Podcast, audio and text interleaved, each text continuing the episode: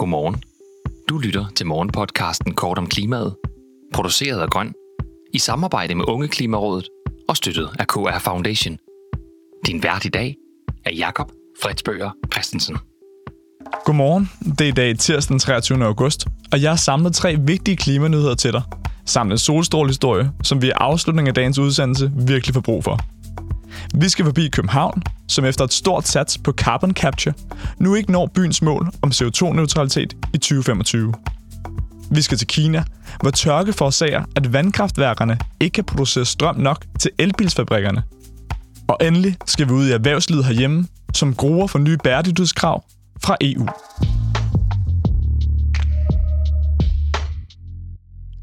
I vores segment på forsiden starter vi i første sektion af politikken. Amager Ressourcecenter, som brænder affald af for seks kommuner i hovedstadsområdet, meldte i starten af august ud, at de ikke har egenkapital nok til at leve op til statens krav og søge om støttemidler til carbon capture på deres forbrændingsanlæg.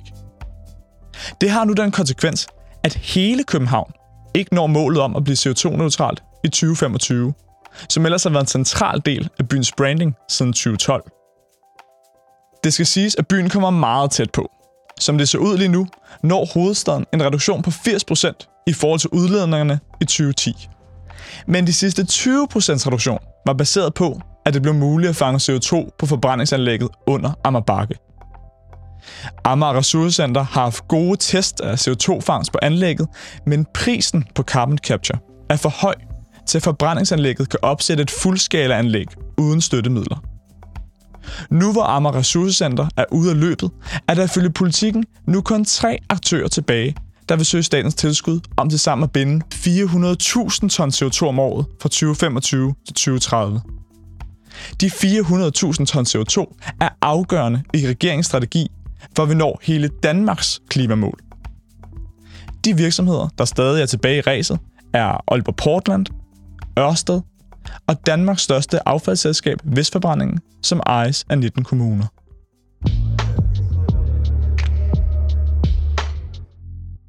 Ser vi på international nyt, får man næsten lyst til at kigge væk igen. Energiwatch skriver, at hedebølger og tørke i det sydvestlige Kina har fået folk til at gå amok med aircondition, samtidig med, at vandet til de regionale vandkraftværker svinder ind. Så mængden af strøm er yderst begrænset. I regionen Chongqing, med en storby, der har 16 millioner indbyggere, er der målt 45 grader. Og butikker og virksomheder er blevet beordret til at indskrænke deres åbningstider for at spare på strømmen. Regionens fremstilling af batterier til elbiler er sat i stå, og det samme har ramt flere kemivirksomheder. På nationalplan har tørken og hedebølgerne sendt Kina i orange alarm. Det næsthøjeste niveau for den slags naturkatastrofer i landet.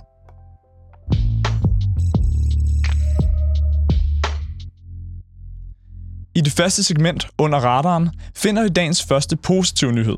Med mindre man framer den som dansk industri gør i anden sektion af dagens børsen. De kalder det nemlig for en umulig opgave at løfte, når alle store europæiske virksomheder fra 2024 skal begynde at afrapportere om, hvordan de klarer sig på en række bæredygtighedsparametre.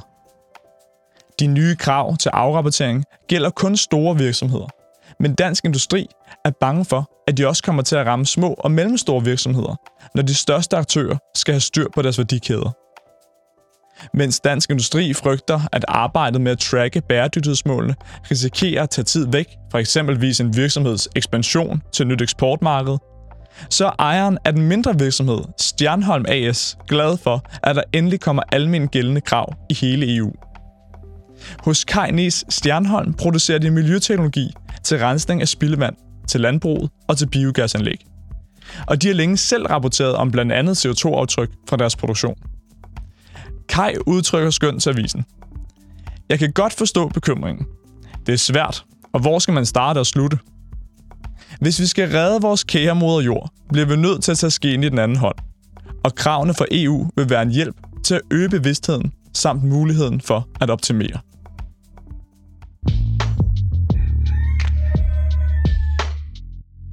Vi slutter af med dagens solstrålehistorie, og den finder man i Klimamonitor, og mere præcist på Krogerup Gods på Vestjylland. Her vil Siemens Gamesa opføre et brintanlæg på det nedlagte landbrug, som i forvejen har en række vindmøller på matriklen. Det kræver en masse strøm at skulle skille brint fra vandmolekyler for at danne grønne flydende brændsler. Og derfor vil Siemens Gamesa udnytte overskudsstrøm, som elnettet ikke har kapacitet til på vindrige dage. Anlægget får en effekt på 5-7 megawatt og bliver opført næste år. Du lyttede til Kort om klimaet. Vi er her igen i morgen kl. 8.